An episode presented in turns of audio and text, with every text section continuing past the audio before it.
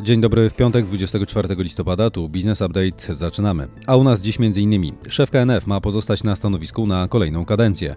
W ostatnich miesiącach wyraźnie wzrosły inwestycje polskich przedsiębiorstw. Ostatnia prosta do wolnego handlu na linii Unia Europejska-Nowa Zelandia. Business Update. Zacznij dzień z przewagą.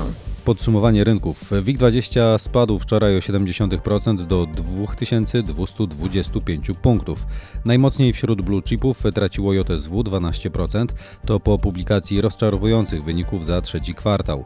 Na szerokim rynku na uwagę zasługuje wzrost Benefit Systems o 13%. Główne pary walutowe bez większych zmian.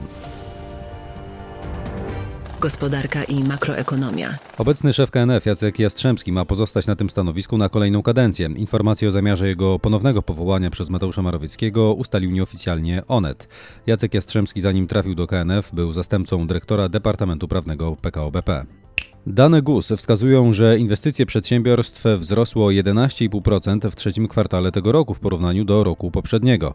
Wynik netto przedsiębiorstw w tym samym czasie wyniósł 185 miliardów, co oznacza spadek o 3,8% rok do roku. 43% ankietowanych przedsiębiorstw w listopadzie przyznało, że poniosło nakłady inwestycyjne w ostatnich trzech miesiącach.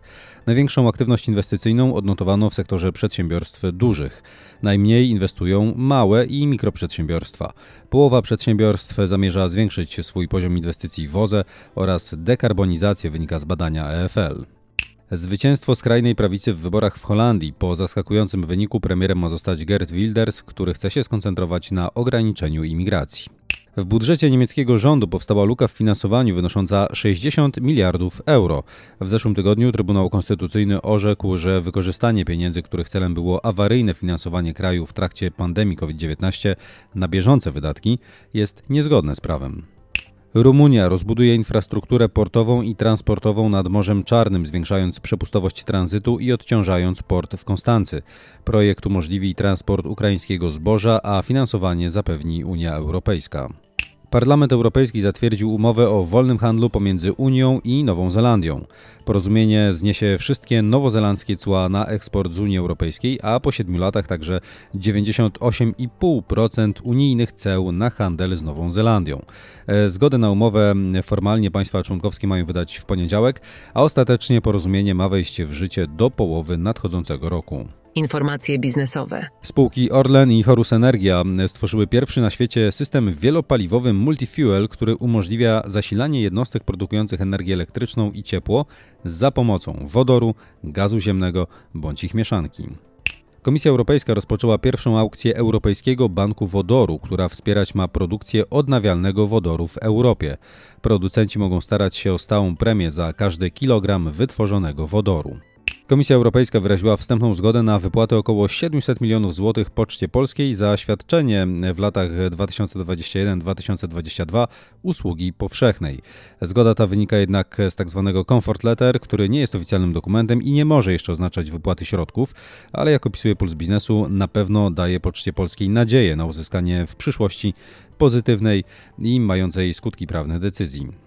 Wczoraj odbyła się inauguracja Rady Polskich Przedsiębiorstw Globalnych z udziałem reprezentantów firm założycielskich, w tym prezesów zarządów spółek Fakro, Unimod i Adamet. Rada ma działać po to, aby podnieść konkurencyjność polskiej gospodarki, rozwijać krajowe firmy globalnie i budować pozytywny wizerunek Polski na świecie. Prawo i podatki. TSUE w sprawie dotyczącej nadmiernych kosztów udzielania kredytów i pożyczek przez firmę Provident Polska uznał, że zobowiązanie konsumenta do zapłaty nadmiernych pozaodsetkowych kosztów kredytu może stanowić nieuczciwy warunek umowny.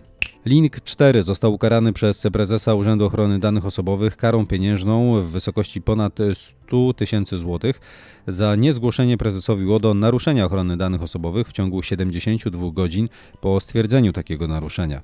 A sprawa dotyczy wysłania przez Link 4 do osoby nieuprawnionej decyzji dotyczącej innej osoby w sprawie likwidacji szkody komunikacyjnej zawierającej wszystkie dane osobowe poszkodowanego wraz z danymi pojazdu i przyznaną kwotą odszkodowania. Przedsiębiorcy będą mieli obowiązek komunikowania się z urzędami zaufanym kanałem mailowym za pośrednictwem e-doręczeń. Termin spełnienia obowiązku zależy od formy prowadzonej działalności i terminu powstania podmiotu gospodarczego lub terminu rozpoczęcia działalności. Aktualnie nie przewidziano sankcji za brak posiadania adresu do e-doręczeń. W takim przypadku przedsiębiorca otrzyma pismo urzędowe za pośrednictwem poczty. NSA orzekł, że przedsiębiorstwa energetyczne, które nabywają, następnie przedstawiają do umorzenia świadectwa pochodzenia energii elektrycznej z OZE dla obliczenia należnej akcyzy, powinny dla celów stosowania preferencji podatkowej stosować stawkę podatku obowiązującą w chwili rozliczenia. Sąd Najwyższy orzekł, że stwierdzenie przez sąd apelacyjny nieważności umowy kredytu frankowego nie jest orzekaniem na niekorzyść strony, a to oznacza, że sąd drugiej instancji może orzec o nieważności kredytu frankowego nawet wówczas, gdy bank wniósł od wyroku pierwszej instancji apelację. Parlament Europejski przegłosował wczoraj przepisy mające wprowadzić prawo konsumenta do naprawy produktu po zakończeniu okresu gwarancji. Mają one na celu ograniczenie masowej konsumpcji i jej negatywnego wpływu na środowisko. Dane i badania rynkowe. 25% ankietowanych Polaków przyznaje, że kupuje nowe produkty nawet w przypadku, gdy dotychczas posiadane wciąż są sprawne. Rośnie jednak odsetek osób świadomie ograniczających konsumpcję. Obecnie takie podejście do życia posiada niemal co czwarty ankietowany 24%. Zmiana modelu pracy może być jednym z powodów niższej częstości występowania szkód, wynika z danych PZU. Jednocześnie we wrześniu tego roku nastąpił znaczny wzrost liczby wypadków, co może być początkiem nowego trendu, przyznaje ubezpieczyciel. Przedsiębiorstwa zatrudniające ponad 5 tysięcy pracowników to podmioty najchętniej inwestujące w technologie cyfrowe, wynika z danych SAP Polska.